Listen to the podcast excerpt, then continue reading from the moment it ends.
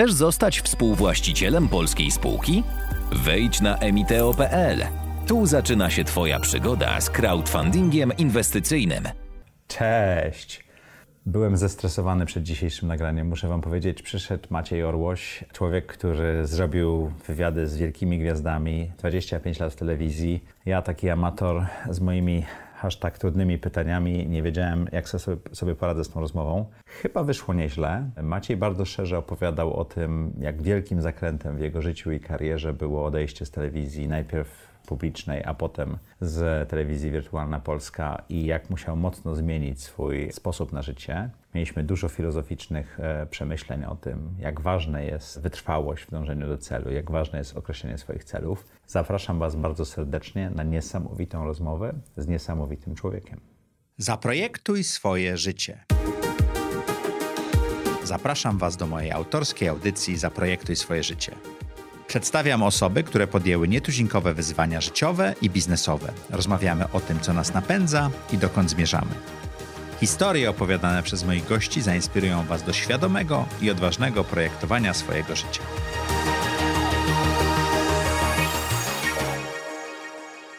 Cześć! Witajcie w kolejnym odcinku audycji Zaprojektuj swoje życie. Jak co tydzień w czwartek o czwartej zapraszamy dla Was interesujących gości, zadajemy trudne pytania, dowiadujemy się jak to było na tych zakrętach życiowych i czy wyszli z nich cało, czy też wypadli z bolidu. Dzisiejszy gość super bomba, ale jeżeli jesteś tutaj pierwszy raz, koniecznie subskrybujcie, uderzcie w ten guzik like i dajcie nam dobry komentarz. Dzięki temu żyjemy na YouTubie, na Apple Podcast, na Spotify'u, gdziekolwiek nas słuchacie i oglądacie. Jeżeli jeszcze tego nie zrobiliście, newsletter Zaprojektuj swoje życie już jest. zaprojektujswojeżycie.pl łamane przez newsletter. Koniecznie się zapiszcie. Warto opowiadam Wam o tym, jak projektowałem swoje życie i jak nie popełniać błędów. A dzisiejszym gościem jest Maciej Orłoś. Tak, to Macieju... prawda. Potwierdzam, to ja. Dzień dobry. Dwóch Maciejów dzisiaj, no. więc będzie ciekawie. E, ja muszę powiedzieć, że muszę to powiedzieć, bo to ponoć e, pomaga. Ja jestem tak zestresowany, mam taką tremę w związku z tym nagraniem z uwagi na hmm. to, co ty dla mnie reprezentujesz, że e, spróbuję, żeby mi się głos nie łamał w czasie to, nagrania. To, to jest ogromna odpowiedzialność, ale na pocieszenie mogę powiedzieć, że tego w ogóle nie widać, że jesteś zestresowany. Okay. Siedzisz uśmiechnięty, wyluzowany, tutaj pięknie zacząłeś program, także pełen luz. No dobrze. Zadam Ci to samo pytanie, które hmm. zadajemy wszystkim gościom na początku. Jak do tej pory wyglądało projektowanie Twojego życia? Nikt mi nigdy nie zadał takiego pytania. to jest dobre. Co to znaczy w ogóle projektowanie życia? życia? Czy moglibyśmy to zdefiniować, żebym wiedział, czy... Znaczy ja znam swoją definicję, ale pytanie, czy Ty masz jakąś definicję? Bo to o tym jest ten program. Projektowanie życia tak w ogóle, czy życia prywatnego, zawodowego, czy to idzie tak. w parze? No, mówiąc szczerze, to dużo, znaczy nigdy nie myślałem o moim życiu w kontekście projektowania, czy mhm. też w tej kategorii. Nie myślałem, nigdy nie projektowałem swojego życia.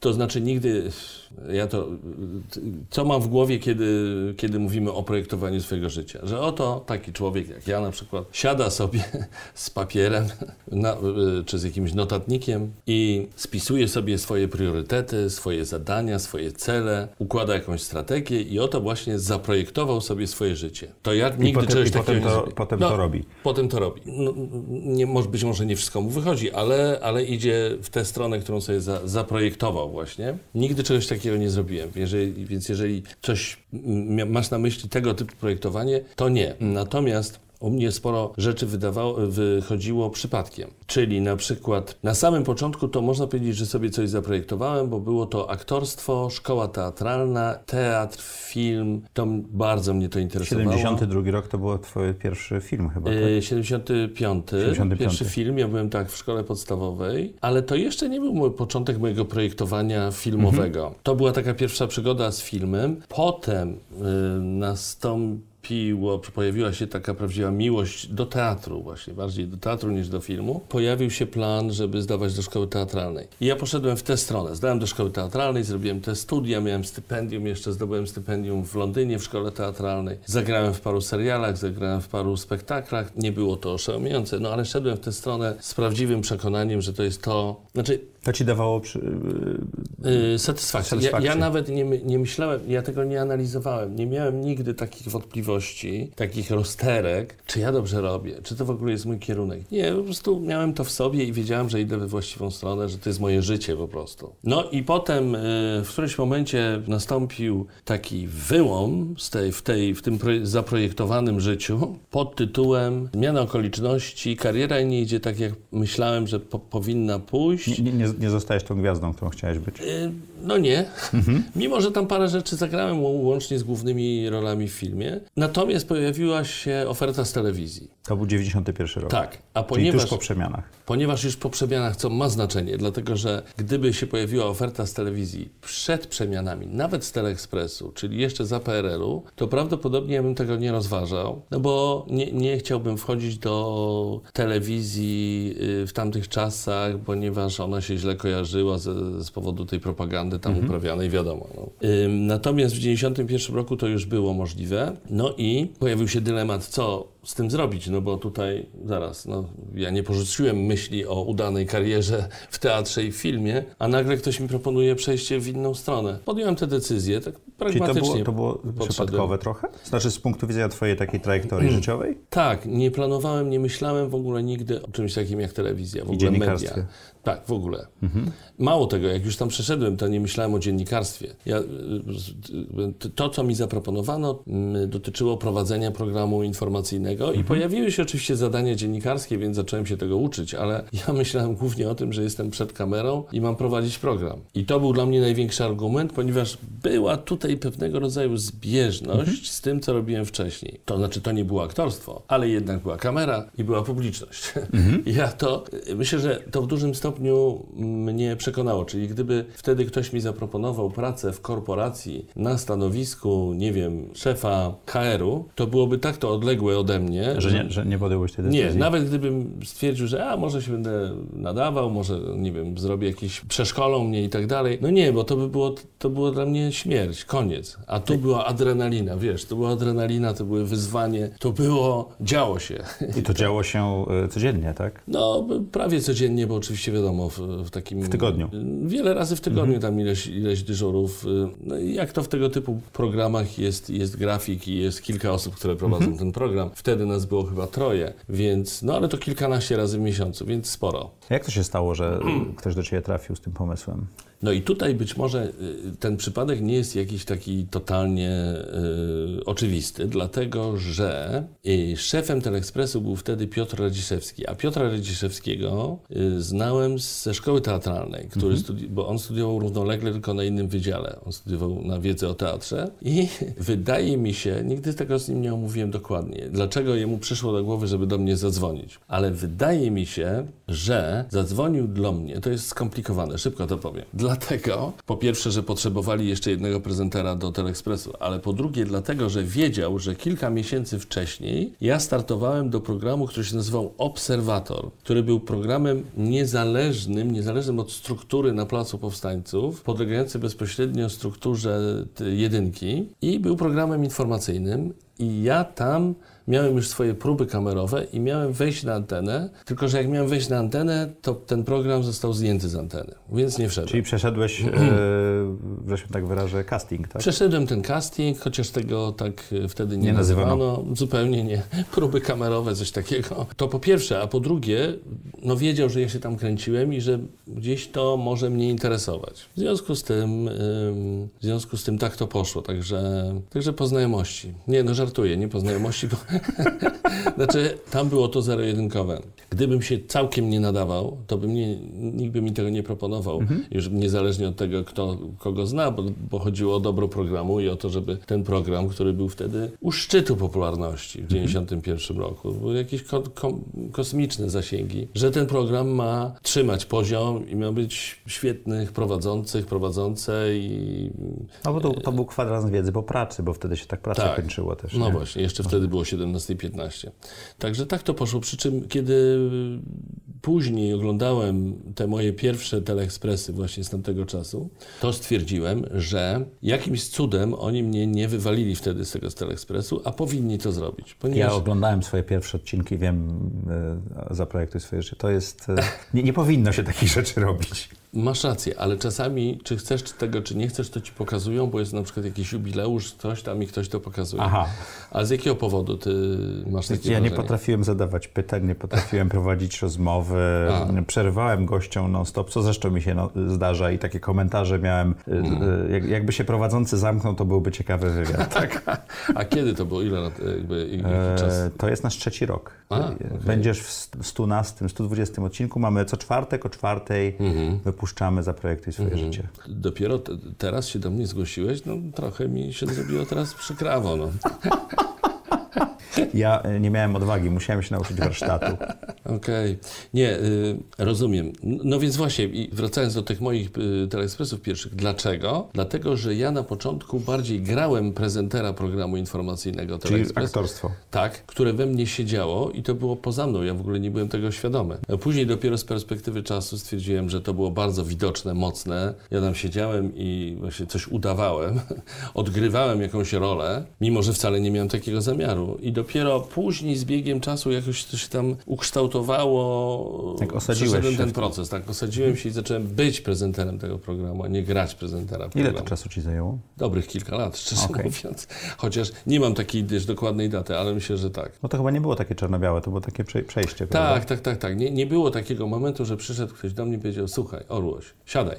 Nie będziesz tak prowadził teleekspresu. Nie możesz grać, masz być, więc proszę tutaj to, to, to i to. Były, y, była zresztą komisja y, karty ekranowej, z którą ja się spotykałem, ale nie pamiętam, żeby mi ktoś y, z tego grona powiedział coś w tym stylu. Były różne uwagi. Karta ekranowa. y, te spotkania były chyba raz na pół roku, co, jakoś tam się to odbywało w miarę cyklicznie, ale niezbyt często i oni przedłużali, bądź nie, te uprawnienia związane z byciem na ekranie i w którymś momencie dostałem już taką dożywotnią y, kartę ekranową, ale oni to traktowali poważnie, oglądało się y, materiały z udziałem tej osoby. Pewnie były uwagi, których ja nie pamiętam, natomiast y, na pewno nie było tej uwagi, o której mówię, czyli żeby być, a nie grać. 20 lat w telewizji. 25 Do- w Teleekspresie. W Teleekspresie, Tak, 25. No w telewizji w ogóle, w jedynce. To cię bardzo ukształtowało. Myślę, że tak, no bo to jest kawał czasu, no, ćwierć wieku po prostu.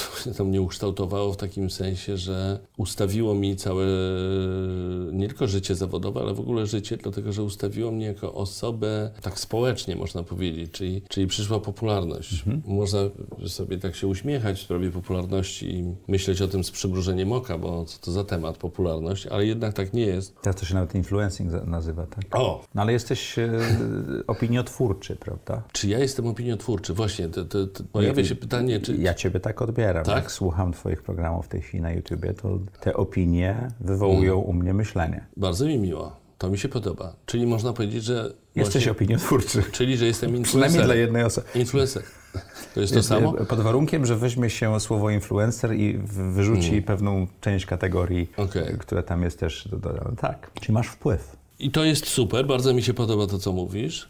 Bardzo proszę, gdybyś chciał coś jeszcze więcej na ten temat powiedzieć, to jak najbardziej. Ale ja wtedy, znaczy, kiedy byłem w Teleekspresie, nie myślałem o tym w tych kategoriach. Czyli, że mam wpływ, to znaczy pra- prawdopodobnie myślałem, przychodziło mi to do głowy, no bo trudno, żeby tak nie było, skoro pro- prowadziłem program oglądany przez miliony ludzi. I na przykład myślałem, tylko że jeszcze dokończę wątek. Nie myślałem o tym w kategoriach takich, że to, to, ta myśl towarzyszyła mi codziennie. Kiedy wstawałem rano i robiłem sobie kawę, nie myślałem, może jestem influencerem, jestem opiniotwórczy, A jak ja tak to myślisz? przeżyję. Nie, nie, broń Okej. Boże. Nie. Czyli masz dystans do siebie. Tak, mam. Chciałem powiedzieć to, że trudno, żebym wtedy tak nie myślał, skoro wiedziałem przecież o tym, że program ma takie dotarcie, jakie, jaki miał. Ogromne dotarcie. I na przykład myślałem o, tych, o tym w kategoriach misji. Czasami. Misji, która się przecież wiązała w ogóle z działalnością telewizji publicznej, bo mówimy o misji.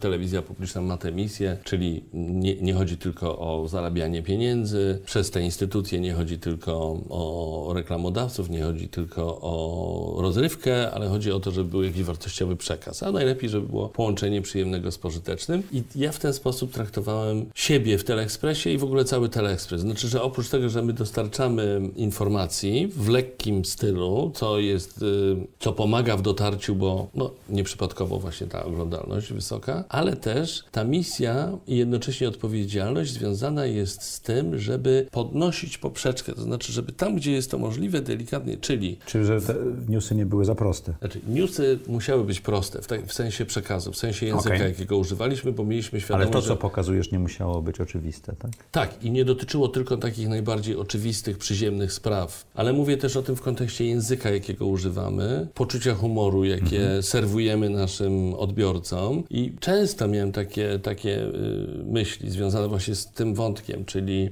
jeśli ja zastosuję ten żart, no on może nie jest jakiś, może nie wszyscy zrozumieją, ale może zrozumieją, może ta, może ta ironia jakoś się tam przedostanie i w związku z tym ludzie zrozumieją, że to było ironiczne, a ironia to coś może nie takiego oczywistego, ale fajna sprawa, więc no. Y, czy, czy, czy słowa, czy tematy, które poruszaliśmy. Czy Teleekspres z założenia miał tę swoją misję, na przykład był przedział literacki prowadzony przez wiele lat przez Mateusza Trojana, świetnego dziennikarza zajmującego się kulturą. Przedział literacki był takim przykładem fantastycznego realizowania misji w bardzo popularnym programie, czyli mamy wielki przekaz, a jednocześnie mamy kącik literacki. Mhm. A w tym kąciku literackim były prezentowane y, nowe książki autorstwa i polskich, i niepolskich twórców, pisarzy i zawsze było kilka słów na temat tych książek. To nie było, i, i to nie były książki typu Harlekin, czy jakiś... Tylko bardziej prostu, ambitne. Tylko bardziej ambitne. I to było fantastyczne i po prostu mm, to przechodziło, no szło, szło do ludzi. Oprócz prowadzenia programu zacząłeś e, robić wywiady. Tak było. W 1994 roku postanowiłem odejść z Teleekspresu, ponieważ uznałem, że to już za długo trwa. Były trzy lata twoje trzy lata. Mhm. Jakbyś uznał teraz, że już za długo prowadzisz swój program. No czasami YouTube... budzę się z taką myślą. Muszę powiedzieć, że czy, czy, czy, jeszcze nagrywać, czy już e, wrócić do emerytury. No to powiem ci, wtedy, jak tu do emerytury? No ja od 46 roku życia postanowiłem być na emeryturze i tak 45 wyszło mi od 46.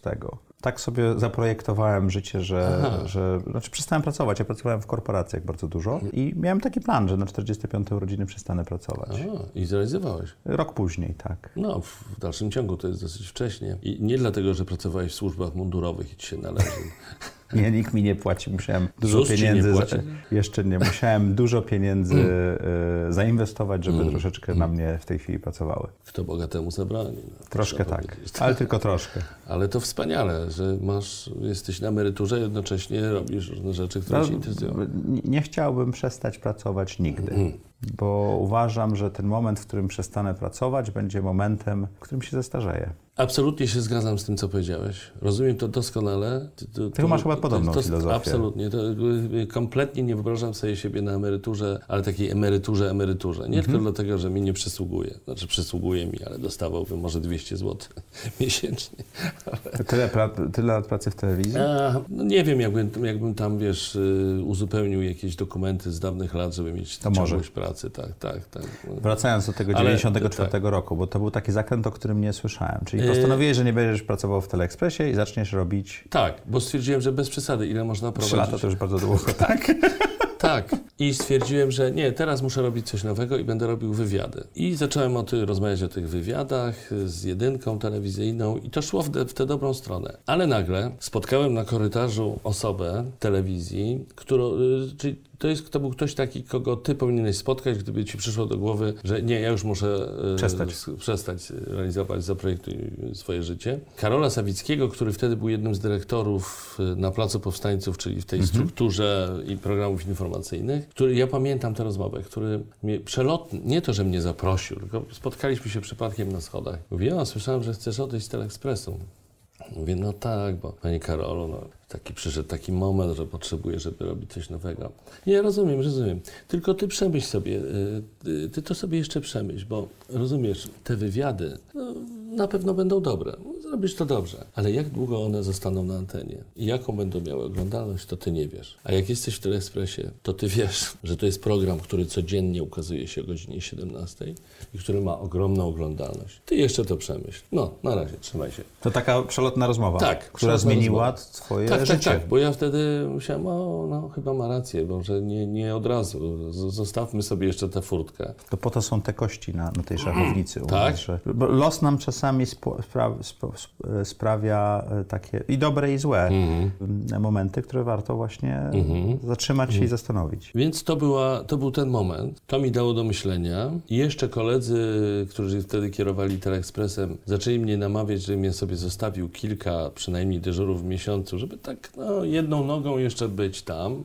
Jakoś im zależało na tym. Y, więc i ja tak zrobiłem. Nie odszedłem, tylko ograniczyłem liczbę dyżurów, y, zacząłem robić ten program i okazało się rzeczywiście, że Karol Sawicki miał rację, bo owszem, program był parę lat na antenie i owszem, y, miał dobre wyniki, ale oczywiście te wyniki były nieporównywalne z wynikami Telekspresu i po paru latach ten program zszedł z anteny. No, jak wiele programów różnych pojawiają się, pojawiają. i znikają. Tak, a Teleekspres był czymś, co po prostu trwało i trwa zresztą.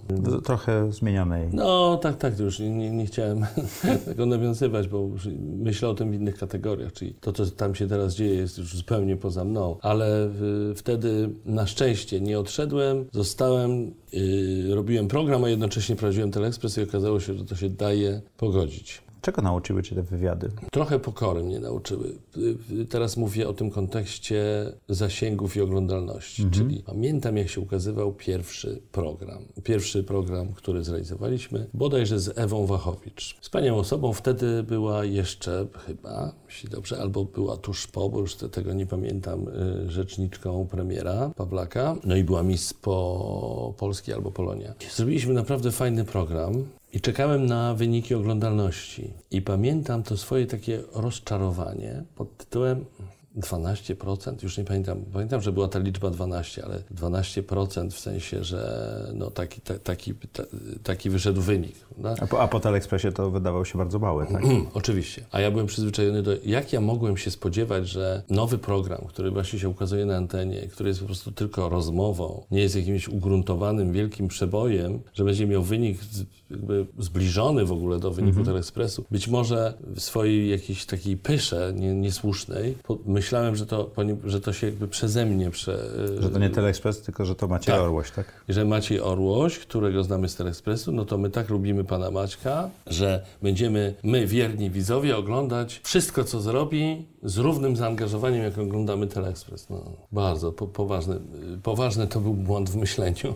Okay. Zupełnie tak nie było. Życzliwe przyjęcie, fajnie te programy wychodziły, potem zacząłem robić programy z gwiazdami spoza Polski, zacząłem jeździć poza Polskę i pojawiły się takie naprawdę duże nazwiska, jak Meryl Streep czy Antony Hopkins. Z Billem Gatesem zrobiłem rozmowę tutaj, mm, zresztą w Warszawie, Celine Dion. No i cóż, no, lekcja pokory w tym właśnie sensie, o którym powiedziałem, czyli że tak zszedłem na ziemię trochę, a jeśli chodzi o samą realizację, to była dla mnie wielka przygoda. Nie tylko, jako, nie tylko dlatego, że uczyłem się robienia wywiadów wtedy, bo wtedy naprawdę robiłem dużo rozmów. Znaczy, nie myślałem o tym w kategoriach robienia wywiadu, przeprowadzania A to jest warsztat, wywiadu. którego trzeba się nauczyć, Tak, prawda? tylko rozmów. Tak, mhm. nauczyłem się takiego gruntownego przygotowywania się. Y, nauczyłem się tego, żeby, że ideałem jest przeprowadzenie rozmowy, znaczy, że ro, rozmawiam z tym człowiekiem, a nie realizuję pytania z listy, którą sobie wcześniej mhm. rozmawiam. Zadaję, słucham no i tak dalej. Taka rozmowa przy kawie najlepiej wychodzi, prawda? prawda? To, to, to tak. jest, tylko chodzi też o to, żeby uderzyć w te miejsca, które się wydają najwłaściwsze, mogą, największy mają potencjał. Przy czym czasami miało to swoje mielizny, dlatego że jak robiłem wywiad na przykład z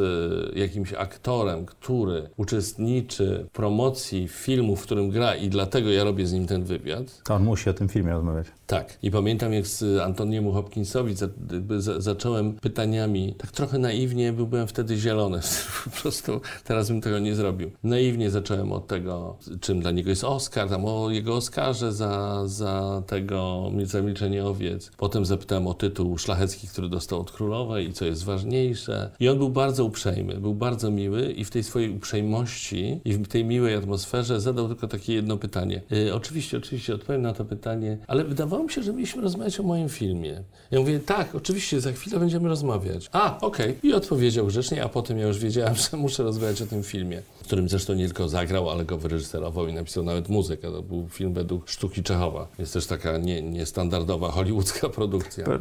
Często jak robisz wywiad, to ta druga osoba ma coś do powiedzenia, prawda? I po to robi wywiad. Tak, tak. No, no a tutaj to jest jeszcze cały mechanizm. Promocyjny. Tak, i to głównie dotyczyło filmu, bo kiedy robiłem rozmowy z gwiazdami muzyki, to było trochę inaczej. To było o, Lżej. o stylu życia? To znaczy miałem więcej swobody. Pamiętam Mhm. jak, jak y, robiłem rozmowę z Nicole Na festiwalu w Wenecji, to w ogóle to był y, jazda po bandzie. Zostałem tam oszukany przez, nie było przy mnie producenta, nik- nikogo byłem sam i z 10 minut ustalonych zrobiło się 5 minut i jeszcze proszę nie pytaj o to i o to i jeszcze zdjęcia nie pozwolili zrobić i, i w ogóle było tak e, szybko, szybko, szybko, y, głównie o filmie i to takie, no jak z tego zrobić później program telewizyjny. Natomiast w przypadku gwiazd muzycznych było mniej restrykcji, mniej otoczki, oni bardzo często byli sami po prostu, byliśmy sami z moją ekipą. y, Bez producentów, bez bez, menedżerów. oprócz Tiny Turner, która była w pełnej obstawie.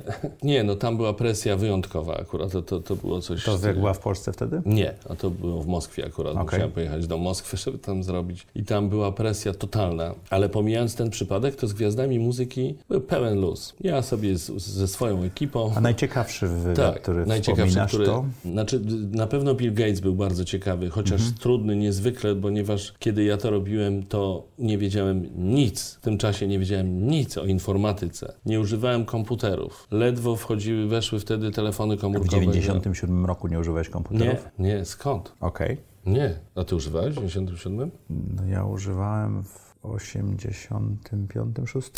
Po pierwsze, po pierwsze programowanie robię. Ja, byłem, ja, ja jestem tak troszeczkę młodszy od ciebie, więc może to z tego wynikało. No tak, tak, ale to ty byłeś w innym świecie i byłeś nietypowym przypadkiem. Powiedzmy E, sobie, że... Do tej pory. No i świetnie. Taka średnia krajowa, której ja byłem przedstawicielem, Mhm. jeśli chodzi o informatykę w tamtym czasie, to była dużo gdzie indziej niż twoja. Nie, ciężko było taki wywiad zrobić z Gatesem. Nie, nie no. Ja się do niego gruntownie przygotowałem i byłem przygotowywany przez kogoś. Miałem swoich... Mhm. Bo kiedy mi mój producent powiedział, zrobimy wywiad z Billem Gatesem, to ja myślałem, że on zwariował. Bo myśmy robili wywiady z gwiazdami, z twórcami, z ku- kultury, ludźmi kultury. No teraz jak spojrzysz z perspektywy, to też jest twórca, bo w pewnym sensie Ale oczywiście, ten, ten, ten oczywiście. biznes stworzył technologię, w której żyjemy, tak? Absolutnie tak, tylko ja byłem przerażony, ponieważ nic o tym nie wiedziałem. Nie używałem komputera. Byłem totalnie analogowy i musiałem się mocno do tego przygotować, ale potem to się opłaciło, bo to było całkiem... Wiedziałem o co pytać i y, była, ta rozmowa miała sens. Czyli to przygotowywanie się przed wywiadami jest bardzo ważne, prawda? No kurczę, to Jak jest... teraz robisz wywiady, to ile czasu ci zajmie, żeby się przygotować? Teraz, kiedy robię wywiady, to mi, wiesz co, no, nie potrafię tego obliczyć, w, no kilka godzin na to poświęcam, no, kilka godzin. No mi zajmuje 2-3 godziny Tak, przygotowanie się no do to coś rozmowy. Takiego, tak, tak, tak. Tak, żeby przeczytać tyle, ile powinienem przeczytać, żeby mieć tę wiedzę i ułożyć sobie jakiś plan rozmowy, no to doświadczenie pomaga, ale zawsze to musi być ten czas. No. Ja jeszcze słucham wywiadów gości No w innych o, miejscach, bo właśnie, wtedy y, roz- rozumiem tą dynamikę, którą należy zbudować. Oczywiście, To ułatwia w tej chwili internet, robienie, przygotowanie. zgadza się, zgadza się. A najgorszy wywiad, który udało ci się, albo nie udało ci się przeprowadzić? Znaczy, jest jeden wywiad, który może powiem o, trzech wyjątkowych wywiadach. Był jeden świetny wywiad, który mi wyszedł i powiedziałbym, że to był najlepszy wywiad. Tylko, że on się nie nagrał. Ojej. Następnego dnia okazało się, przy- przyszła do mnie ekipa i powiedziała, sorry, nie mamy tego. Mamy dźwięk, nie mamy obrazu, a ponieważ to było dla telewizji, wiesz, nie było podcastu, bo Mhm. teraz to się... Bo jakiś był paprok w kamerze, o czym, z czego oni, czego oni nie widzieli podczas Też realizacji. kamery były magnetyczne jeszcze wtedy, tak? Tak, oczywiście. To był rok 96. Z kim był wywiad? Y, jakoś tak, z, z Jimem Czermuszem, czyli O. z reżyserem, którego bardzo ceniłem i cenię. I to był świetny wywiad zrobiony poza systemem, pr prywatnie właściwie. Dwie godziny siedzieliśmy, wiesz, no, te, tego typu formuła. No i nie nagrany. Drugi, drugi wywiad, który był, który był, ale go nie było w ogóle, to był wywiad z Pamelą Anderson. Wtedy pierwszy raz poleciałem do LA. Daleka podróż, 9 godzin różnicy w, w czasie. Okazało się, że nie ma mnie na liście akredytowanych dziennikarzy, więc mnie nie wpuścili w ogóle na ten wywiad. W związku z tym wypiłem kawę i wróciłem do Polski. I trzeci... Ale byłeś w LA. Ale byłem w LA. Super. byłem na grobie Marilyn Monroe, zobaczyłem Bel Air i trzeci wywiad, który był y, na pewno wyjątkowy, to był wywiad ze Spice Girls. Pamiętasz ten y, Girls Band, które w ogóle nie zwracały na mnie uwagi. Znaczy Czyli- miałeś wywiad z osobami, które nie zwracały na mnie uwagi. Tak, właściwie ja im przeszkadzałem. One były zmęczone, bo byłem ostatni tego dnia, bo wiesz, kolejka wchodzą, one siedzą w jednym miejscu, a zmieniają się ci goście z, z różnych y, mediów. No i y, ja byłem ostatni tego dnia, więc pewnie były zmęczone, a może było to takie założenie, że to są niegrzeczne dziewczynki, więc nie będą no, normalnego wywiadu udzielać, tylko Mhm. musi coś tam dziać. W związku z tym one, one wysyłały SMS-y, one malowały sobie paznokcie u nóg, u rąk, y, rozmawiały między sobą i tylko jedna od czasu do czasu udzielała mi Mhm. Odpowiedzi na pytania. Tak. W gruncie rzeczy to był ciekawy wywiad. Oryginalny, nie- nietypowy, ale w trakcie realizacji byłem mocno zdziwiony, bo nic takiego wcześniej mnie nie spotkało jednak. Mhm. Coś, dało się, z- coś dało się z tego Dało się. I kiedy to obejrzałem po latach, bo ktoś to wrzucił w YouTube, to stwierdziłem, że w, w gruncie rzeczy nie było aż tak źle, jak to zostało w mojej pamięci. A to też e, odbierasz energię od, od tych, tych osób, z którymi przeprowadzasz wywiad, więc dostajesz dużo więcej niż jest nagrane na taśmie często, tak? Właśnie. No więc pe- pewnie to było takie, takie zjawisko. Ja oglądałem wywiad z osobą, która mi ani przez dwie godziny ani razu nie spojrzała w oczy. A jest świetny wywiad, ale ja jako prowadzący nie byłem w stanie prowadzić tego wywiadu. Było mi emocjonalnie bardzo trudno prowadzić wywiad. Y, Tutaj u siebie na twoim kanale? Tak, ale w innym studiu. Tego nie widać w ogóle. Jak się to ogląda, to jest świetny wywiad. Ale Okej. ja emocjonalnie nie, nie potrafiłem, to, to, to, tak ty, opowiadasz, to Tak. było moje wspomnienie tego wywiadu, a materiał, który wyszedł, to są Tak. dwie t- diametralne różne A to ciekawe. produkty. A czy wie- wiesz, dlaczego tak było? Ja myślę, że to jest kwestia bycia osobą, która jest introwertykiem, która Mhm. nie jest taka otwarta, ma, ma fajną historię do powiedzenia, ale nie jest przyzwyczajona, żeby chodzić do prasy. Nie? Aha, dlatego. Ja nie jestem prasą, więc może dlatego to wyszło. Tak mi się wydaje, nie Mhm. wiem. 31 sierpnia 2016 roku. Mhm. Chyba ważna data dla Ciebie.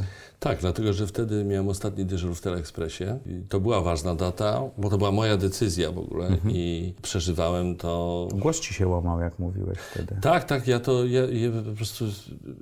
Potem myślałem, potem, po, po jakimś czasie, kiedy już nabrałem dystansu, myślałem sobie, Boże, co ja tak, aż tak bardzo przeżywałem i tak bardzo byłem spięty, zdenerwowany. Łatwo tak powiedzieć z dystansu. No wtedy było jak było, po prostu to napięcie mi towarzyszyło, bo wszyscy się dowiedzieli oczywiście, że ja mam, mm, właśnie ostatni raz będę że będę się żegnał z widzami. Zaczęły się telefony od różnych osób z, z telewizji z tych najwyższych stanowisk, y, uzgodnienia, co powiem, sugestie ze strony tam dyrekcji struktury na placu, że po, czy powiem to, a może bym powiedział to, a może jednak tego bym nie Tym bardziej, że powiedział. program na żywo. Że program na żywo, tak, tak, absolutnie. Że możesz pobiec w dowolną stronę. Tak, tak, tak, Myślę, że to taka ludzka, przyziemna sprawa, że nikt tam nie chciał z y, szefów, dyrektorów, żeby padło coś być może na, na jego czy na jej temat konkretnie, albo żeby ta osoba została obciążona, ponieważ tam było takie, można powiedzieć, zdziwienie, że ja odchodzę. Bo to było jedno z pierwszych odejść. Teraz już się przyzwyczailiśmy, cała trójka odeszła i tak dalej. Ale to, to, to, był, to był początek. Yy, tak, bo tam, tam były zwolnienia, czyli jak przyszła tak, zwana dobra zmiana, no to wiadomo, Tak zwana. yy, w, wi- w wiadomościach parę osób z, z, podziękowano, paru, paru osobom, przy czym to były rzeczy do przewidzenia i wiadomo było, że tak będzie, bo zawsze w telewizji tak było, że jak się zmienia ekipa, to się zmieniają, to, to, to jest czystka i prowadzący, no, zwłaszcza w takich wiadomościach, które były takim, taką, takim programem flagowym i na, pierwszym, na pierwszej linii frontu. Yy, natomiast tutaj ja po prostu stwierdziłem, że muszę stamtąd odejść. Przygotowałem sobie do tego grunt, miałem swój plan. Rozmawiałeś z Wirtualną Polską, Tak, rozmawiałem z Wirtualną Polską. która wtedy wybrała, wygrała Multiplex i miała robić swój kanał informacyjny. I tak, robiła, to znaczy swoją telewizję, telewizję WP. I dla mnie to było bardzo dobre rozwiązanie, ponieważ nie stać mnie było na to, żeby po prostu odejść, trzasnąwszy drzwiami z, z TVP. Nie stać emocjonalnie, nie stać finansowo. Finansowo. Finansowo. Po prostu. A więc wymagało to przygotowania gruntu, również od strony prawnej, bo wymagało to skoordynowania tych działań, czyli musiałem rozwiązać umowę z TVP, a raczej nie rozwiązać tej umowy, tylko nie podpisać nowej, bo tak traf chciał, że akurat mi się skończył kontrakt. No i można było podpisać nowy albo go nie podpisać. I jednocześnie mieć pewność, że tam wszystko będzie dograne i że tutaj no, te wszystkie sprawy, które mogą towarzyszyć takim rzeczom, czyli tam okres karencji, prawda, tego zakazu, jak to się Konkurencji. mówi, zakazu konkurencji, tak. Czyli było pytanie, jak długo nie będę mógł się pojawić w innym miejscu, które było istotne z, ze względu na to, że telewizja WP miała swój, swoje, swój projekt i swoją agendę. I potrzebowała ruszyć. Tak, która miała ruszyć. I to się wszystko zresztą do, do, dograło, ale to było bardzo stresujące, plus te telefony, plus y, y, emocje w całej redakcji, bo koledzy i koleżanki się dowiedzieli, więc było emocjonująco i kiedy zszedłem na ten dyżur, tego 30, zszedłem do studia, na ten dyżur 31 sierpnia, to byłem kłębkiem nerwów, a miałem do poprowadzenia Teleexpress oraz Teleexpress Extra. Ekstra, bo były i są te dwa Teleekspresy i, i tutaj tak, ogromne zainteresowanie w, w całym budynku. Dzwoni do mnie Jacek Kurski, prezes, który mnie namawia, żebym ja jednak zrezygnował i że, z, tego, z tej decyzji, żebym pozostał. Zrezygnował z odejścia. Tak, zrezygnował z odejścia, tak, żebym jeszcze to przemyślał, żebym nie mówił tego na antenie. Więc ja zachowałem się asertywnie, bo to był mój plan i już nie zamierzałem tego zmieniać. Yy, tutaj operatorzy przynieśli mi butelkę whiskacza i mi dali na pożegnanie, to było bardzo miłe. No i miałem do poprowadzenia te, te, te, dwa programy i na zakończenie Teleekspresu miałem swój tekst, który sobie ustaliłem i go wypowiedziałem, ale to, było, to był najtrudniejszy moment w ogóle mój w telewizji. Znaczy pożegnać się z widzami. Poziom stresu? Tak, i emocji, i stresu, żeby powiedzieć, żeby to miało sens, żeby w, tym krótkiej, w tej krótkiej formie wypowiedzieć to, co chcę powiedzieć, żeby widzowie zrozumieli, że to jest moja decyzja i że, że bardzo im naprawdę dziękuję za te wszystkie wspólnie spędzone lata i teleekspresy i tak dalej. I jeszcze do tego, jak już się pożegnałem i były te wszystkie emocje, to za chwilę musiałem poprowadzić teleekspres ekstra. Jak gdyby nigdy nic, rozumiesz? No tak, bo to tak działa, tak? Bo to tak działa w TVP Info, bo teleekspres ekstra wtedy był, nie wiem jak teraz, e, na tej innej antenie, gdzie już się też pożegnałem, ale jakby mniej spektakularnie, bo, bo to był program z mniejszym zasięgiem i, i takim był dodatkiem. I potem, I potem przez dwa dni y, odbierałem telefony, y, albo nie odbierałem, jeśli nie mogłem, SMS, inne powiadomienia od ludzi, których znałem dobrze, znałem mniej, albo których dawno nie widziałem, albo których w ogóle nie, po prostu non-stop. Non Niedowierzanie? Non Niektórzy nie dowierzali, bo nic nie wiedzieli. Niektórzy pytali, ale co się stało? Czy to prawda, że cię zwolnili? No to ja, czy ciebie zwolnili tak jak innych? No to wtedy prostowałem, To nie było prawdą. Tak? To nie było prawdą, to była moja decyzja. Nie wszyscy potrafili zrozumieć, o co tak naprawdę chodzi, dlaczego, i tak dalej, i tak dalej. Ca, cała, cała lawina różnych reakcji, wiesz. Jak było przejść z sektora publicznego, czyli telewizji publicznej, do sektora prywatnego? Czy to było trudne przejście? To było trudne, o czym się przekonałem, kiedy to już się działo, to było, to było trudniejsze niż mi się wydawało wcześniej. Telewizja WP była ważnym projektem dla dużej organizacji, czyli Wirtualnej Polski. Mhm. I ja wszedłem do innego świata, bo niby telewizja, która co prawda dopiero powstawała, bo jak się tam pojawiłem, to jeszcze była w fazie przygotowywania, ale wszedłem do zupełnie innej organizacji, czyli korporacji, do korporacji, do medialnej mhm. korporacji. Mhm. Która wyrosła z internetu i wykupiła wirtualną Polską od Orange'a i tak dalej. To też, też, też tak. trzeba sobie sprawę, że to jest zupełnie inne yy, korzenie. Tak, i dla mnie tam wszystko było inne. Teraz nie mówię o tym w kontekście telewizji WP, mhm. tylko mówię organizacji. całej organizacji. Ja zobaczyłem, bo te, te, TVP jest organizacją, była wtedy, w każdym razie, kiedy ja od niej od, stamtąd odchodziłem w 2016 roku, organizacją jakby to taką... Misyjną? Y, pa, pa, nie, nie, y, trącącą myszką, tak można powiedzieć. Okay. Jeśli chodzi o struktury, jeśli chodzi zarządzanie? o mentalność, mhm. zarządzanie, a nawet wystrój wnętrz, budynki i tak dalej.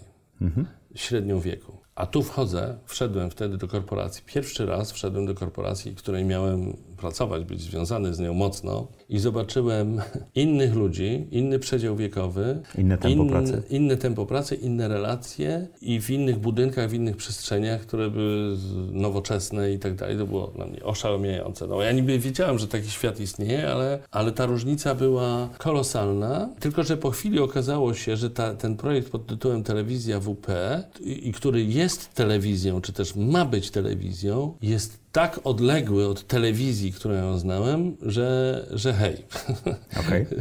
że to jest kosmos. Że to, I to telewizja, i to telewizja, ale inne światy zupełnie. Również w kategorii dotarcia do widzów, bo okazało się, że to dotarcie było marne, mhm. było nikłe. Wydaje mi się, że nie tylko ja, ale cały zespół dziennikarzy, który tam przyszedł, to był bardzo zacny zespół dziennikarzy, dziennikarzy, dziennikarek, które te, był te osoby... zaskoczony tym? Tak, to znaczy nam się wydawało, że, że to, wydawało, że to jakby jest oczywiste, że jeżeli się rozpoczyna taki duży projekt pod tytułem Tworzymy telewizję wirtualnej Polski, czyli bardzo dużej organizacji, to również zadbaliśmy o dotarcie. I okazało się, że, że nie bardzo, że coś tam się nie zgadza. Znaczy, dla mnie było też zaskoczeniem to, że cała ta przestrzeń internetu wirtualnej Polski nie pracuje na nowy projekt. No, ale tak, tak, tak się nie zadziało. Później zacząłem rozumieć trochę bardziej te mechanizmy i tam były różne wątki, które się pojawiły i które dotyczyły miejsca na multiplexie, tego co miało być, jakichś różnych relacji z,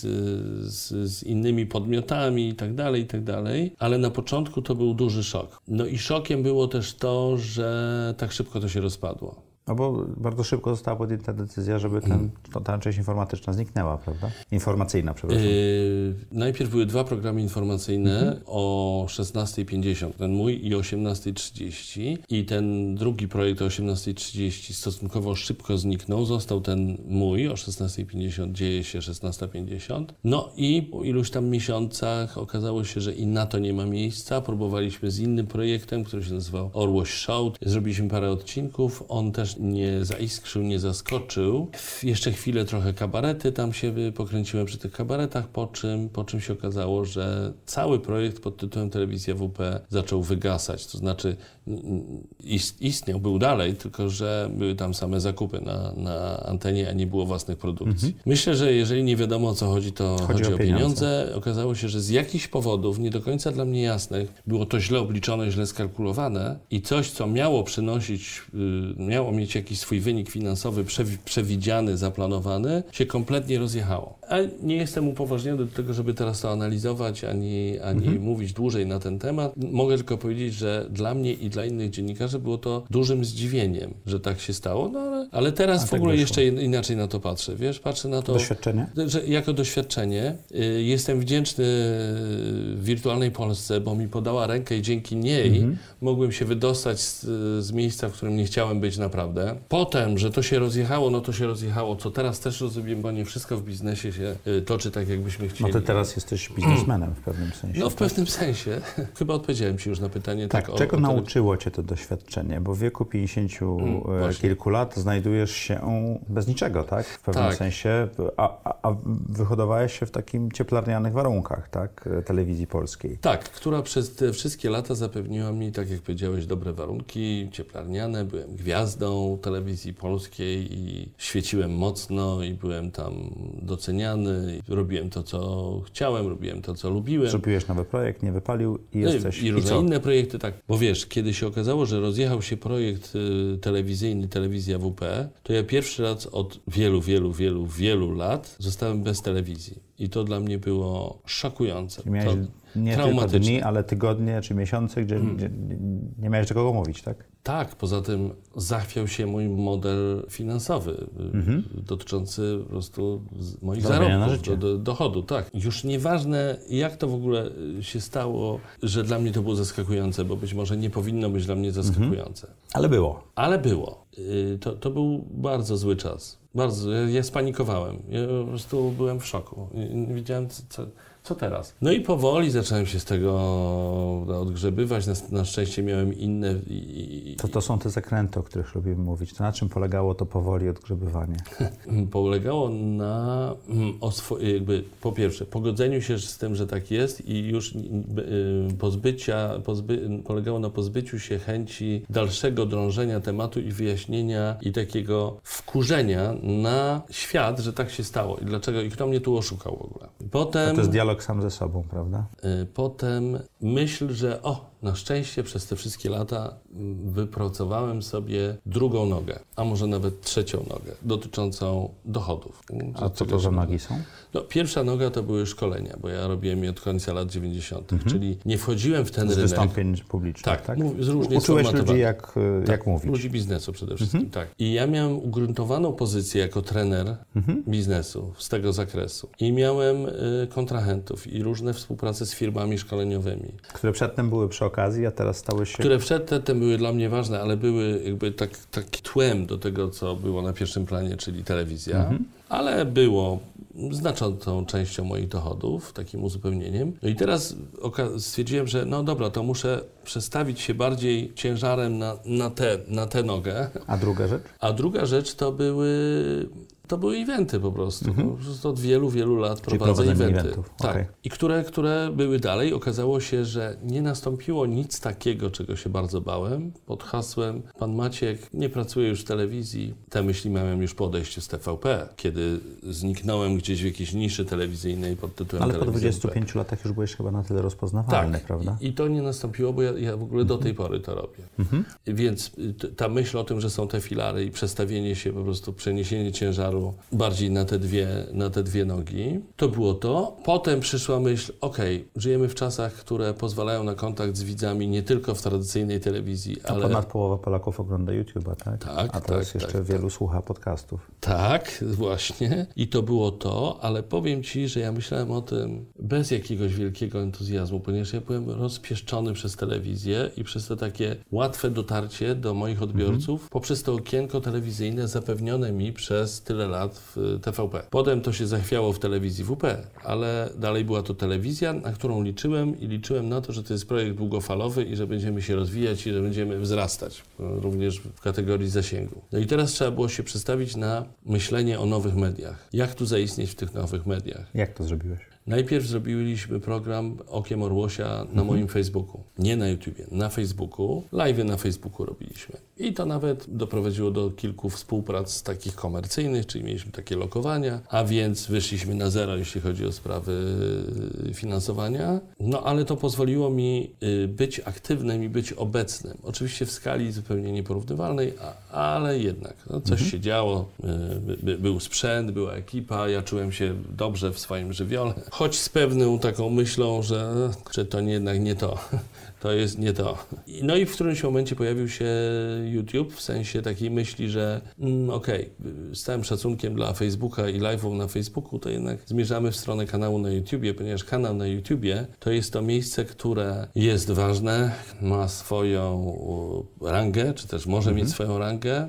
Jest jedną z głównych wyszukiwarek młodzieży na przykład, tak? Tak. Mhm. I swój kanał na YouTubie to jednak jest coś więcej y, niż y, live na y, na Facebooku. I też dużo bardziej jest to zobowiązujące, bo wszyscy mi od początku mówili, że to wymaga systematycznej pracy, regularnej mhm. publikacji i że jak ja już to zacznę to i potem nagle przestanę publikować, no to będzie bez sensu kompletnie, nikt mnie nie będzie traktował poważnie i tak dalej, i tak dalej. No i tak to się, wiesz, poszło, no powoli, i, z rozterkami.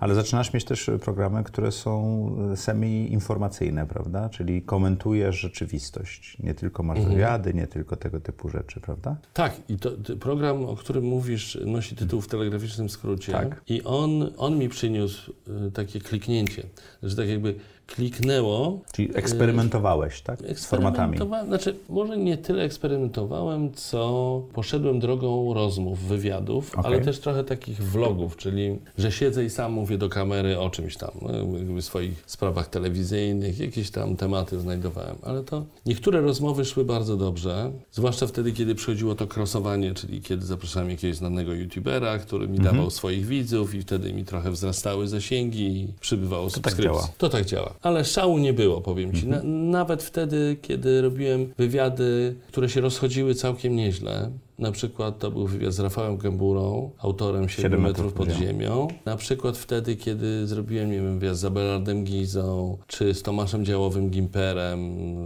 znanym youtuberem bardzo przecież. I jeszcze mógłbym z Tomaszem Sekielskim zrobiłem e, rozmowę, która też e, miała duże zasięgi, bo akurat przyszedł, przyszła premiera jego pierwszego filmu. To było wszystko ok, ale ja wciąż miałem takie poczucie, że no robię, to jest, ale szału nie ma. Mhm. Znaczy, nikt by nie, nie mrugnął okiem, gdybym ja to przestał robić. Mhm. No, no, fajnie, no, ludzie oglądają, i, ale, ale rozumiem, że nie było tego kliknięcia, ale kliknięcia w takim sensie, że, że kliknięcie polegające na tym, że y, wszyscy się oczy otwierają i mówią, o, ale fajna rzecz.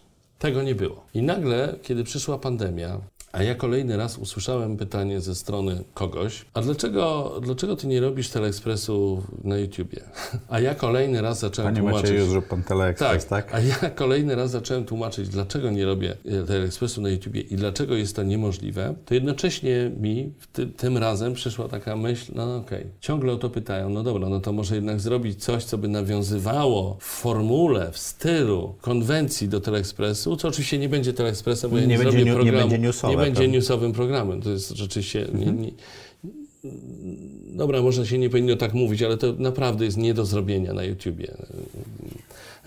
Nie do zrobienia dobrze. Znaczy, program, znaczy nie to, że nie do zrobienia, tylko że to jest nierealne, dlatego że program informacyjny musi mieć grupę ludzi, musi mieć źródła informacji, musi mieć Wybierać źródła- to, co jest puszczone. Wszystko, no wszystko. To, to, jest, to jest cały zespół i musi być, jak to program na żywo, e, informacyjny, na żywo, regularnie, najlepiej codziennie o tej samej godzinie. Więc to musi być budżet i w ogóle za, zapomnij. Nie, nie, nie, nie. Ale mogę zrobić coś, co by nawiązywało do tego, czym się zajmowałem przez tyle lat w stylu. I tak e, mi powstał w głowie ten projekt pod tytułem W telegraficznym skrócie, który wcale nie miał tego tytułu, jako po prostu siadłem i skomentowałem kilka wydarzeń w Polsce, które mnie, mnie poruszały z jakichś powodów. Były to Mhm. Czyli też wydarzenia jest bardzo polityczne. autorski program. Tak, bardzo autorski. Poruszały mnie i miałem taką potrzebę, żeby powiedzieć, co o tym myślę. Chodziło o politykę. Robiłem to delikatnie, jeszcze z przyzwyczajenia. I wypuszczałem to tak sotę na Facebooku. I już było tam taki, pojawiły się takie pierwsze sygnały, że o, ale fajnie, ale fajnie, ale fajnie. No i potem to był początek w- WTS-u, czyli w telegraficznym skrócie, który właśnie okazało się jest takim kliknięciem. Dla On- ciebie też? dla mnie też. Dla mnie, dla całego kanału to był taki, to był taki impuls do rozwoju. I poprzez to, że ta formuła się ludziom spodobała, również pewnie dlatego, że nawiązywała do tego, z czym ja się kojarzę, ale też dlatego, że po prostu zacząłem coraz odważniej mówić o tym, co myślę, doznając nieprawdopodobnej wolności słowa, której nie znałem wcześniej. Bo nagle, wiesz, nagle stwierdziłem, że No, to na YouTubie możesz ja mówić- decyduję o tym, co powiem. Nie ma żadnej komisji, Nie ma komisji. i tak dalej. Tak? Nie, cenzura, no ta, którą znamy z PRL-u, nie ma czegoś takiego. Jedyne, z czym się trzeba liczyć, to, to, to te ograniczenia, które wprowadza ta platforma, czyli Mhm. YouTube. No ale wiadomo, no to są pewne rzeczy, których się nie, te granice, których się nie przekracza ja bym tego i tak nie zrobił. Czyli żeby nikogo nie obrażać, żeby nie, nie iść w jakieś treści, nie wiem, straszne, ra- ra- rasistowskie, tworzyć nawoływanie. rzeczywistości. Tak, tak. Ale za, zacząłem doznawać wolności słowa i po, zacząłem polegać po prostu to, to, po, znaczy to, co tam mówiłem, zależało tylko ode mnie, od mojego wyczucia, stylu, y, od, y, od mojego poczucia, no nie wiem, dobrego smaku i tak dalej. Ale to było niesamowite i zacząłem w tym się, wiesz, coraz bardziej... rozwój twojego Tak, kanału. tak, tak, bo w którymś momencie się odezwał Patronite sam, Mhm. powiedział Panie Maćku, my tu widzimy, widzimy potencjał, jakby Pan chciał, to możemy wejść i zobaczyć jak będzie na Patronite. 502 osoby cię wspierają w tej No. na dzień dzisiejszy na Tak. Patronite, tak? No właśnie, więc y, Mhm. okazało się, że to jest bardzo fajne i to też dało nam takiego kopa w sensie rozwoju, bo dało nam wzmocnienie, bo jakby pomijając wszystko inne, to przez te wiele miesięcy na moim kanale na YouTubie ja po prostu finansowałem te wszystkie produkcje z własnej kieszeni. Patronite bardzo pomaga. Myśmy w, No uruchomili Patronite'a również w czasie COVID-u, bo Okej. nie działały nam sponsoringi i tego typu No rzeczy, tak. bo to się wszystko zatrzymało. I to tak stabilizuje finansowo właśnie produkcję. No tak. nie, nie, zarabia się na tym, ale, Ale jest się w stanie się. Mhm. utrzymać te wszystkie koszty, tak? Zgadza się. A chociażby nowe studio. No i świetnie. I to jest wspaniała e, sprawa i dzięki Ci Mhm. A prowadzisz dialog z patronami? No tak, prowadzę. Ja nagrywam dla nich specjalne materiały, które oni tylko widzą. Y, Mhm. To mam dla Ciebie dwa pytania od patronów. O, Naszych. waszych. Naszych. Okej. Nasi patroni zadają nam pytania, mamy Slacka, Super. gdzie tam możemy z nimi rozmawiać. Czy Twoim zdaniem jest jeszcze e, miejsce na takie centralnie zarządzane media, takie jak właśnie telewizja polska i tak dalej, tak? Czy ten trend się zmienia, tak jak się zmienił w finansach, zmienił się w, mocno w prasie, czy tam w dostępie do informacji i tak dalej? No to jest takie pytanie dla eksperta z dziedziny medio, mediów, czyli dla jakiegoś medioznawcy. A dla Ciebie, a to jest Y, pytanie do Ciebie prywatnie. Do, do mnie y, rozumiem, y, że ja w ogóle mam takie wrażenie, że telewizja jest passé, że telewizja przechodzi do lamusa. Ale to jest też moje, może moje prywatne wrażenie i trochę Bo patrzysz na nią z zewnątrz? Zniekształcone, tak, bo patrzę na to z zewnątrz, już z innego świata, z nowych mediów. Kiedy czasem oglądam telewizję, a oglądam ją bardzo rzadko, bardzo i to zacząłem nie oglądać telewizji jeszcze w niej pracując, więc to nie jest nie dlatego, że teraz. No.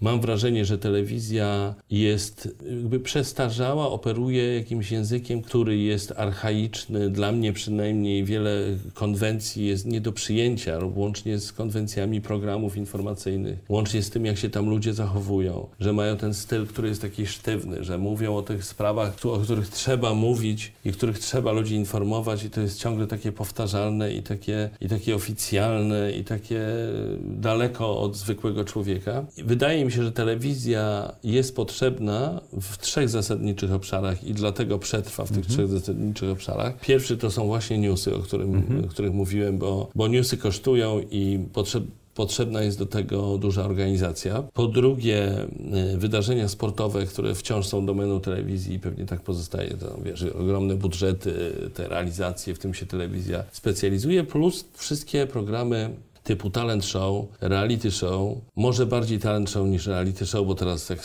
mówię o tym, to sobie wyobrażam reality show na YouTubie, że ktoś to robi. No ekipa jest, prawda? Ekipa, no właśnie, no właśnie. Tak. Ale talent show, gdzie mamy publiczność, gdzie mamy, wiesz, y, no różne rzeczy typu Taniec z Gwiazdami, Voice of Poland i tak dalej. Czy jakieś Eurowizje, festiwale w Opolu, czy, czy w Sopocie, czy jeszcze gdzieś tam. No to to są takie rzeczy, do których telewizja jest potrzebna. Jeśli chodzi o ten styl zarządzania, no nie wiem, dla mnie to wszystko jest jakieś w tej chwili abstrakcyjne, ponieważ ja jestem sam sobie szefem, sam o wszystkim decyduję, mam wąską grupę współpracowników, działamy na Pracujesz zasadzie... z własnymi dziećmi, prawda? E, też. Ant znaczy z Antkiem, z Antkiem, tak. tak. Pytanie dotyczyło czego? Struktur? Czy, czy ta, co się będzie działo ze starymi mediami vis-a-vis nowe, tak? Czy te scentralizowane organizacje przetrwają? Ale już na nie odpowiedziałeś. Tak, to zadam Ci jeszcze jedno pytanie, mm. bo dużo mówię się o etyce, Mhm. Czy, I to też jest pytanie naszego patrona, Marcin e, mhm. Opoka do nas bardzo często tak. pisze, bo, nasi patroni wiedzą, z kim będzie wywiad na y, no tak. parę dni, zanim będzie wywiad i wysyłają nam. O etyce właśnie w takich zdecentralizowanych mediach typu influencerzy, y, podcasterzy i tak dalej. Jak tym zarządzić? Norwegia w tej chwili wprowadziła, nie wiem, czy wiesz, takie prawo. Zakaz retuszowania. Retuszować można, ale trzeba napisać, że jest retuszowane A, tak, zdjęcie. Tak, tak, tak, czyli tak. efektywnie jest to zakaz, tak? Tak, to jest ciekawy wątek z tym, e, z tym e, retuszowaniem, bo on dotyczy fałszowania rzeczywistości, to znaczy, że, żebyśmy nie manipulowali, nie oszukiwali naszych widzów. No ale kontrowersyjna sprawa, ciekawa. Natomiast rozumiem, że pytanie dotyczy różnych zjawisk niepożądanych. Jak, jak, jak spowodować, żeby ta etyka jednak zaistniała w tych rozproszonych mediach? Czy da się to zrobić?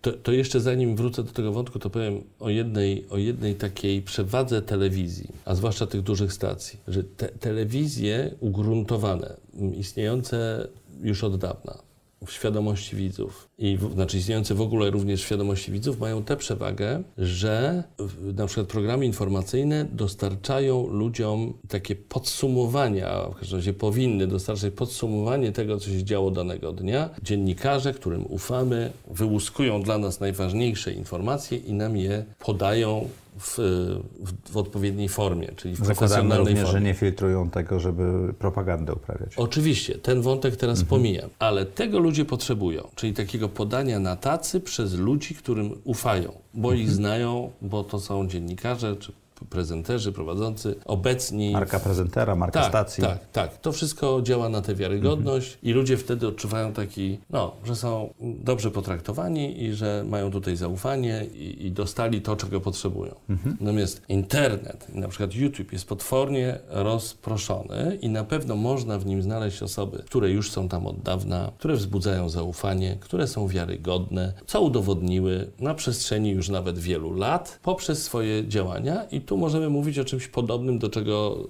o czym wspomniałem przed chwilą w mhm. kontekście telewizji. Czyli kiedy otworzę sobie taki a taki kanał, to tam dostanę treści, które będą na odpowiednim poziomie, które będą profesjonalne, y, zrobione z, odpowiedzialnie i tak dalej. Na pewno to można znaleźć. I teraz rzecz tylko w tym, że nieświadomi mniej świadomi odbiorcy, użytkownicy takich przestrzeni jak YouTube oczywiście mogą trafić na jakieś treści, które są z innej beczki, które są tworzone przez mniej odpowiedzialnych ludzi. Albo są tworzone przez ludzi, którzy manipulują. Yy, Swoją widownią, tak? Yy, tak. Teraz nie wiem, czy mam w głowie jakiś dobry przykład, bo kiedy o tym powiedziałeś, to sobie przypomniałem hasło fake news, deep fake i takie historie. No, na, na TikToku była znana sytuacja z Tomem Cruzem, tak? Że ja, ja sam się na to złapałem, wiesz, bo mhm.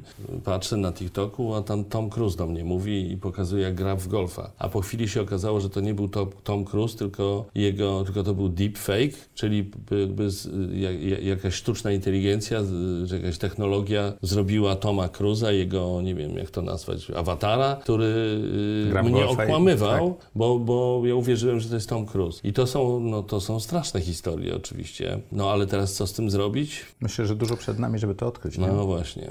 Macieju, czy z tego, co ty robisz, da się żyć? Powiedziałeś, że finansowo to był szok dla ciebie, wychodząc z wirtualnej Polski i tak dalej. Mhm. Stanąłeś na sw swoich dwóch nogach, które mhm. miałeś przy okazji, że się tak wyrażę. Mhm.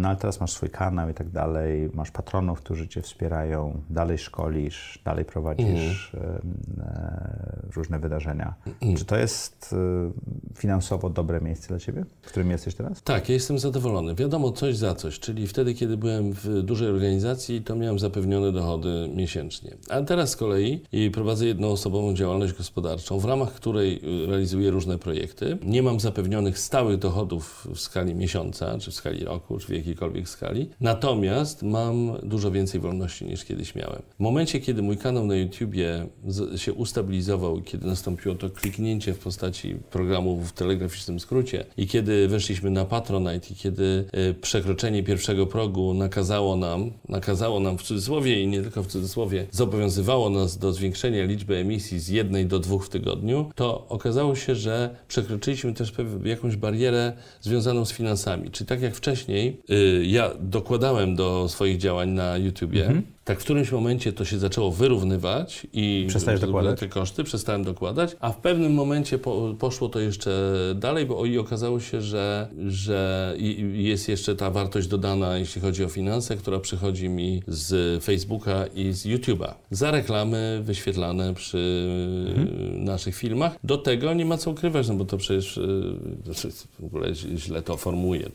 To, to, to jest twój biznes teraz, tak? To jest mój biznes. No, mówię teraz o lokowaniu czyli o współpracach mhm. komercyjnych, które się pojawiają na moim kanale i w moich produkcjach, również w WTS-ie, ale nie tylko w WTS-ie, czyli otworzyła się taka możliwość i taka furtka, żeby pewne rzeczy robić we współpracy komercyjnej z, z jakąś z instytucją, czy z, tak, czy no głównie chodzi o instytucje. I, i, i to jest yy, i to jest świetne, nie ukrywam, to jest I to, świetne. To jest po, po ilu latach udało Ci się yy, finansowo dojść do takiego momentu, w którym znów czujesz się bezpiecznie, powiedzmy? Powiedzmy? Czy może nawet czujesz się świetnie? Jak yy, pół, półtora roku, bo, bo nie, poczekaj, pytasz po, po, po tej, po tej no, od wirtualnej podejściu Polski. wirtualnej tak. Polski. Dwa i pół roku. Mhm. Eksperymentów i tego Dwa i pół roku, tak. Znaczy ja, ja oczywiście jakoś tam dawałem radę, realizując różne projekty, ale też y, pandemia, nie oszukujmy się, na pewno sam tego doświadczyłeś. Pandemia, lockdown, ten pierwszy na wiosnę zeszłego roku był szokiem i ja nagle stwierdziłem, że nie mam nic. No tak, bo nie ma, nie, nie ma imprez, które można poprowadzić. No, nie ma imprez, nie ma, nie ma szkoleń. Nie ma różnych innych projektów, które tam były, wyjazdy, które my, były planowane. My odpaliliśmy Patronite'a w pandemii właśnie, żeby... Wtedy, no tak. tak. No ja też, tylko tak jakby po paru miesiącach, ale te mhm. początki to były, wiesz, jakby doszedł dodatkowy moment. Ja w którymś momencie i w jednym z okresów tych, tych pierwszych pandemicznych, ja moje dochody spadły o 95% z miesiąca na miesiąc. Podobnie. No. Więc to było takie, okej. Okay.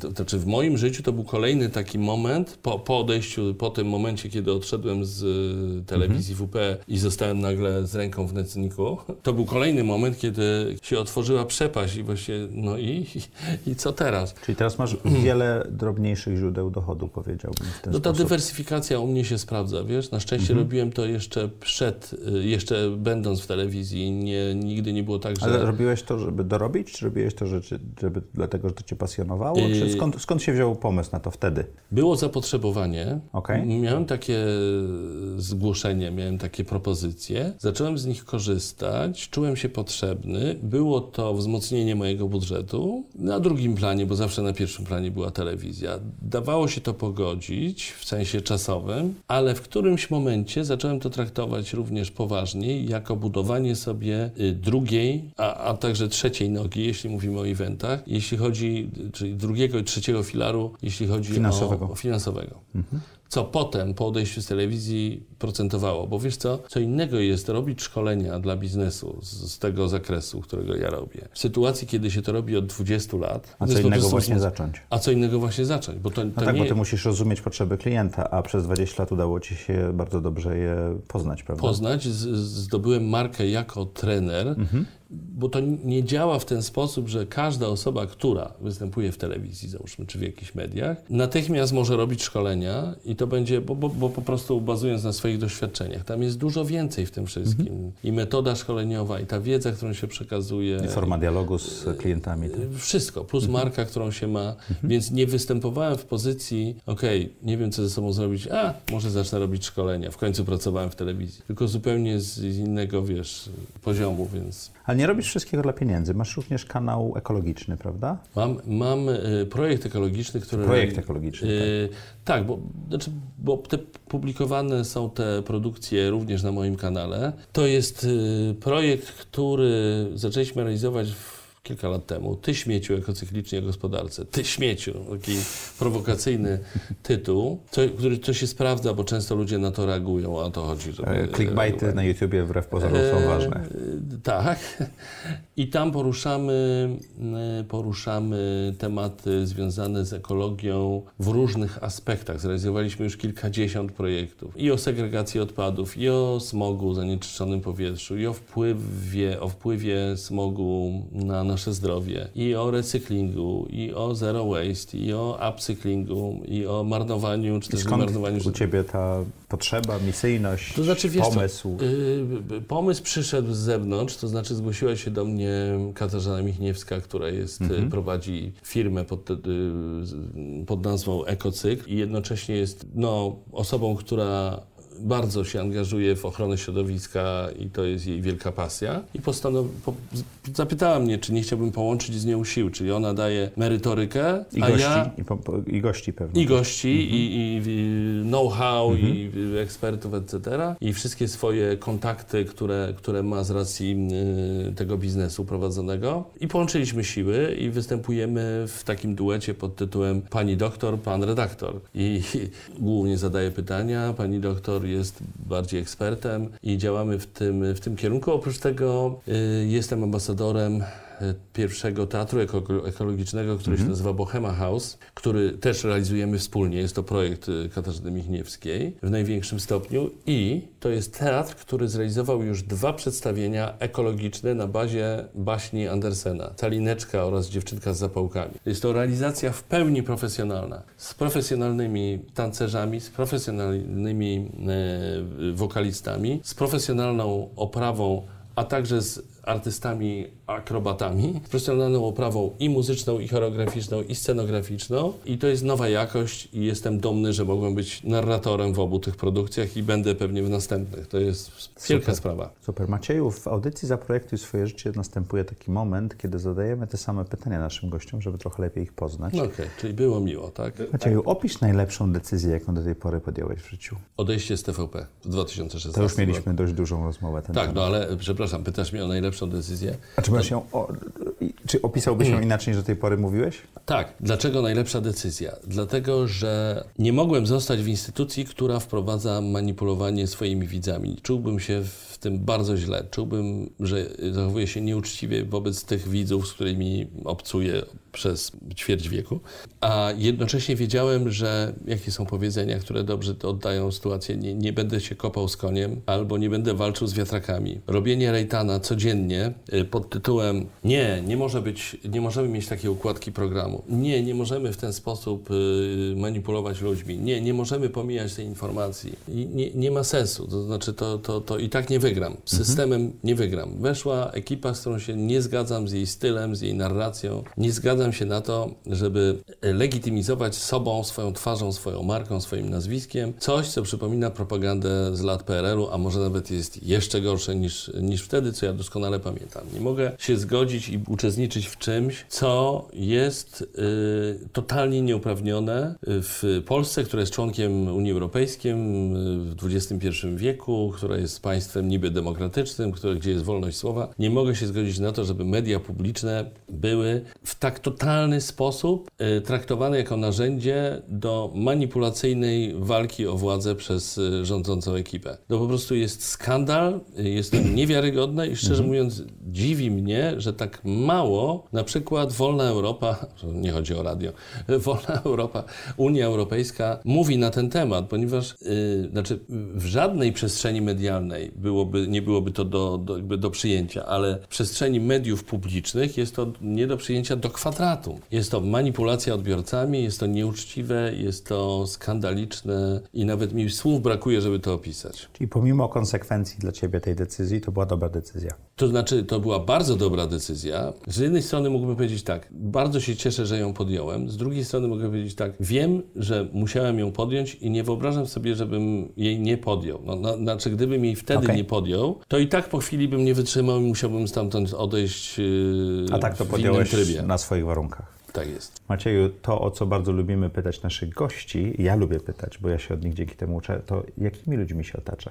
Takie twoje Power Five, te najbliższe tobie osoby, które kreują tobie rzeczywistość, to? Fu, po pierwsze to jest moja rodzina oczywiście, która mhm. mi daje moc, a po drugie to są osoby, z którymi na stałe współpracuję przy projektach. Jestem taki dosyć zadaniowy i teraz taką osobą jest Adrian Jasiński, z którym pracuję przy moim kanale na YouTubie od samego początku. Znamy się jeszcze dłużej, ale, ale to jest bardzo ścisła współpraca. Właściwie to jest osoba, która jest moją prawą ręką w moich mhm. sprawach zawodowych, bo prawie wszystko, co robię zawodowo, konsultuję z nim, to przechodzi przez niego i mam do niego zaufanie, on ma do mnie zaufanie i to sobie bardzo cenię, naprawdę. To, że... Czyli, czy, czy ta relacja jest taka głęboka? Bo ona, bo ona już, tak, bo ona jest y, głęboka i ona już trwa i to zaufanie jest ważne. Budowaliśmy to zaufanie, bo znamy się już wiele mhm. lat, tylko że ta współpraca się pogłębiała, pogłębiała i, i jest, jest teraz taka bardzo, bardzo mocna i krótko mówiąc nie wyobrażam sobie właściwie funkcjonowania bez Adriana. Czego nauczyła Cię pandemia? Pandemia nauczyła mnie, że nie należy się poddawać. Wiem, że brzmi to tak jakoś banalnie, no e, chyba nie. E. Dla mnie nie brzmi banalnie. Podam przykład. Mm, kiedy zaczęła się pandemia, czyli załóżmy, że była to końcówka marca 2020 roku, miałem taką rozmowę dotyczącą szkoleń. Wsiadły wszystkie szkolenia, które robiłem, że teraz to by należało robić szkolenia online'owo. Co? Że, że, że jak należało robić? Online'owo. Zrobimy takie spotkanie, mówili mi moi współpracownicy od szkoleń. Spotkamy się na Zoomie i ja Wam wszystko powiem, yy, omówimy to sobie, jak można to robić. Na czym się spotkamy? Na Zoomie. Przyślę Ci zaproszenie, to sobie tam, tam. Klikniesz tam. tak, klikniesz. Ja tak przewracałem oczami. Myślę, tak, przed tym Billem Gatesem trochę. Tak, tak, tak. tak. Tak, zgadza się. O nie, to się, to się nie uda, to nie ma sensu. Boże, no przecież po co robić jakieś szkolenia internetowo, zdalnie, skoro powinno się robić normalnie, stacjonarnie. No i dobrze, y, pojawiłem się na tym spotkaniu, na, na, na tym Zoomie y, z niechęcią, z takim, wiesz, takim, takim podejściem pora, porażka w ogóle, dobra, no chcę, żeby był, to będę, ale słuchałem to z, z, z takiej z łaski, wiesz, z łaską podchodziłem do tego, dobra, niech mi mówią, jak to się robi, może coś z tego wyjdzie, ale raczej nie sądzę. Dla tych, co nas słuchają, to cała mimika Macieja tutaj jest taka, Boże, załamałem się, tak? Konsultow tak, tak było. Konsultowałem to z kolegami, z y, szkoleniowcami, trenerami z innych y, dziedzin. Oni mieli podobne podejście. Chcą nas tutaj chcą nas tutaj y, przyuczać, czy też namawiać do czegoś, co wiadomo, że nie ma sensu. No i tak stopniowo, stopniowo się w to wdrażałem, przez jakiś czas nic się nie działo, a potem po pewnym czasie okazało się, że zaczynam robić szkolenia, za które mi płacą w online. I robi się dobrze.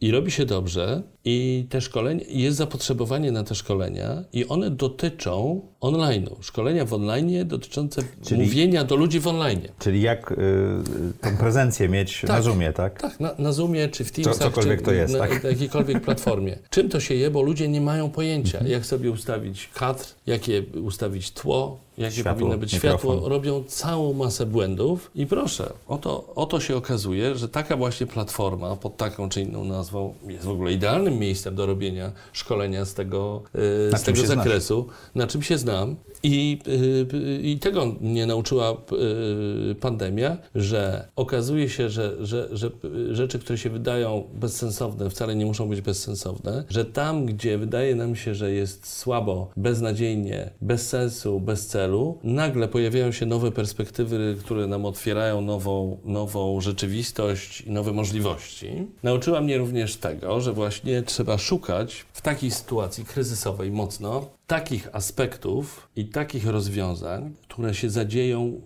właśnie dzięki tej sytuacji, która jest. Czyli to znaczy, y, tam gdzie się coś zamknęło, to w innym miejscu się otworzyło.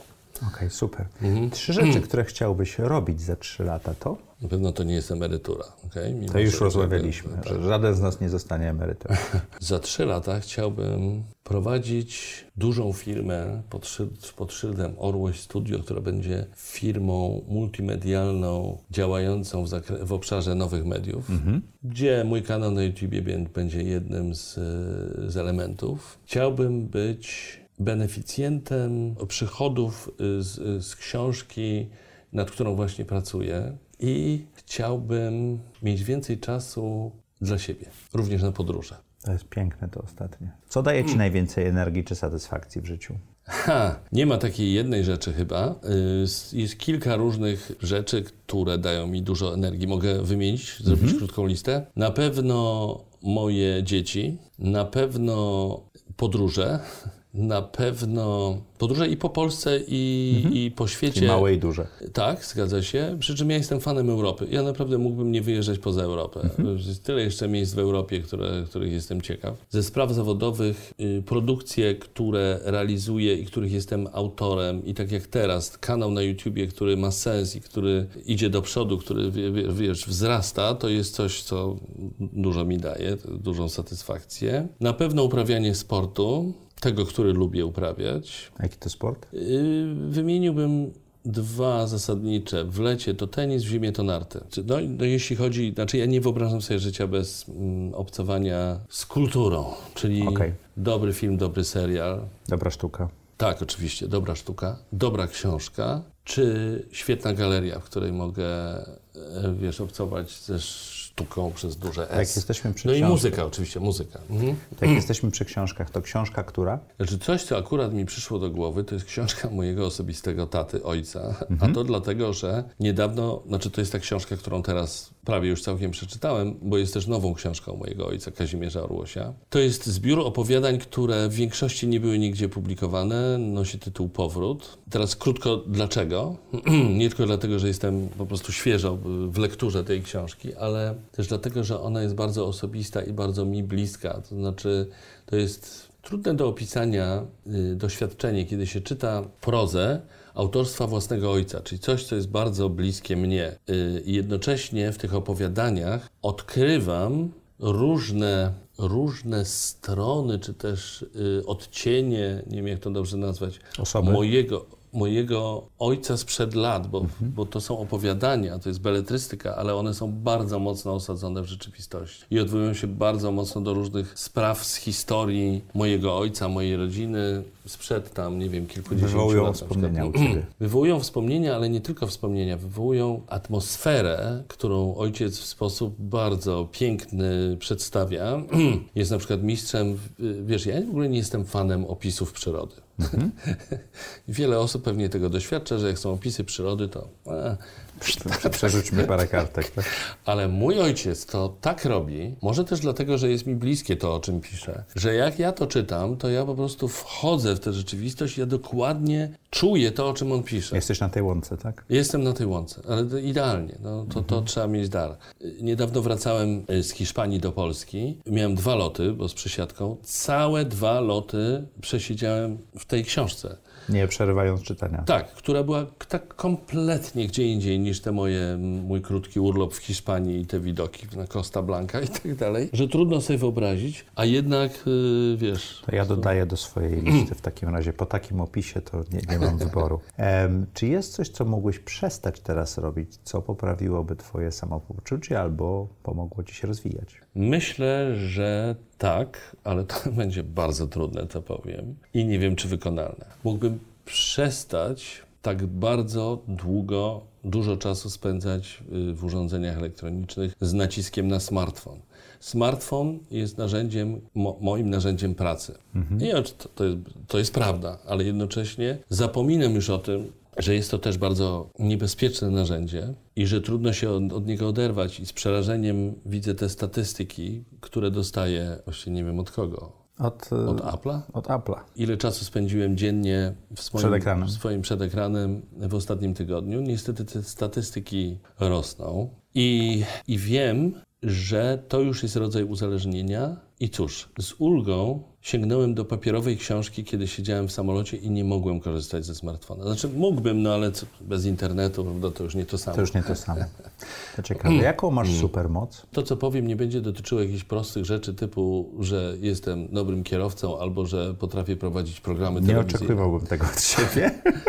Nie, y, ja potrafię słuchać, okay. a niewiele osób, ale nie chodzi mi tylko o to, że to związane jest z wykonywanym zawodem, -hmm. czyli to, co ty powiedziałeś przed chwilą. Rozmowa też, rozmowie musi towarzyszyć słuchanie. Absolutnie. Dziennikarz jest zainteresowany swoim rozmówcą, zainteresowany tematem, więc słucha. Jak, jakby nie umie -hmm. słuchać, no to nie, nie może robić I przez to nawiązuje relacje. Tak. tak. -hmm. Ja wiem, że ja potrafię słuchać nie tylko jako dziennikarz, jako ktoś, kto prowadzi rozmowy, tylko w ogóle potrafię słuchać. A jest to umiejętność wcale nieczęsta. Większość ludzi, nie mam tutaj statystyk, może ktoś zrobił takie badania, ale większość ludzi z moich obserwacji nie potrafi mhm. słuchać, nie umie słuchać. Ludzie są rozproszeni, nieskupieni, skupieni mhm. na swoich sprawach. Często zadają pytanie i już w ogóle nie słuchają odpowiedzi. Zadali pytanie pro forma, wiesz, tak jak w tym angielskim how are you? Yy, trochę w tym kierunku. How are you, ale tam nieważna odpowiedź. Zadają pytanie, bo może wypada, ale już nie są w stanie skupić się na e, wysłuchaniu odpowiedzi. Nie są,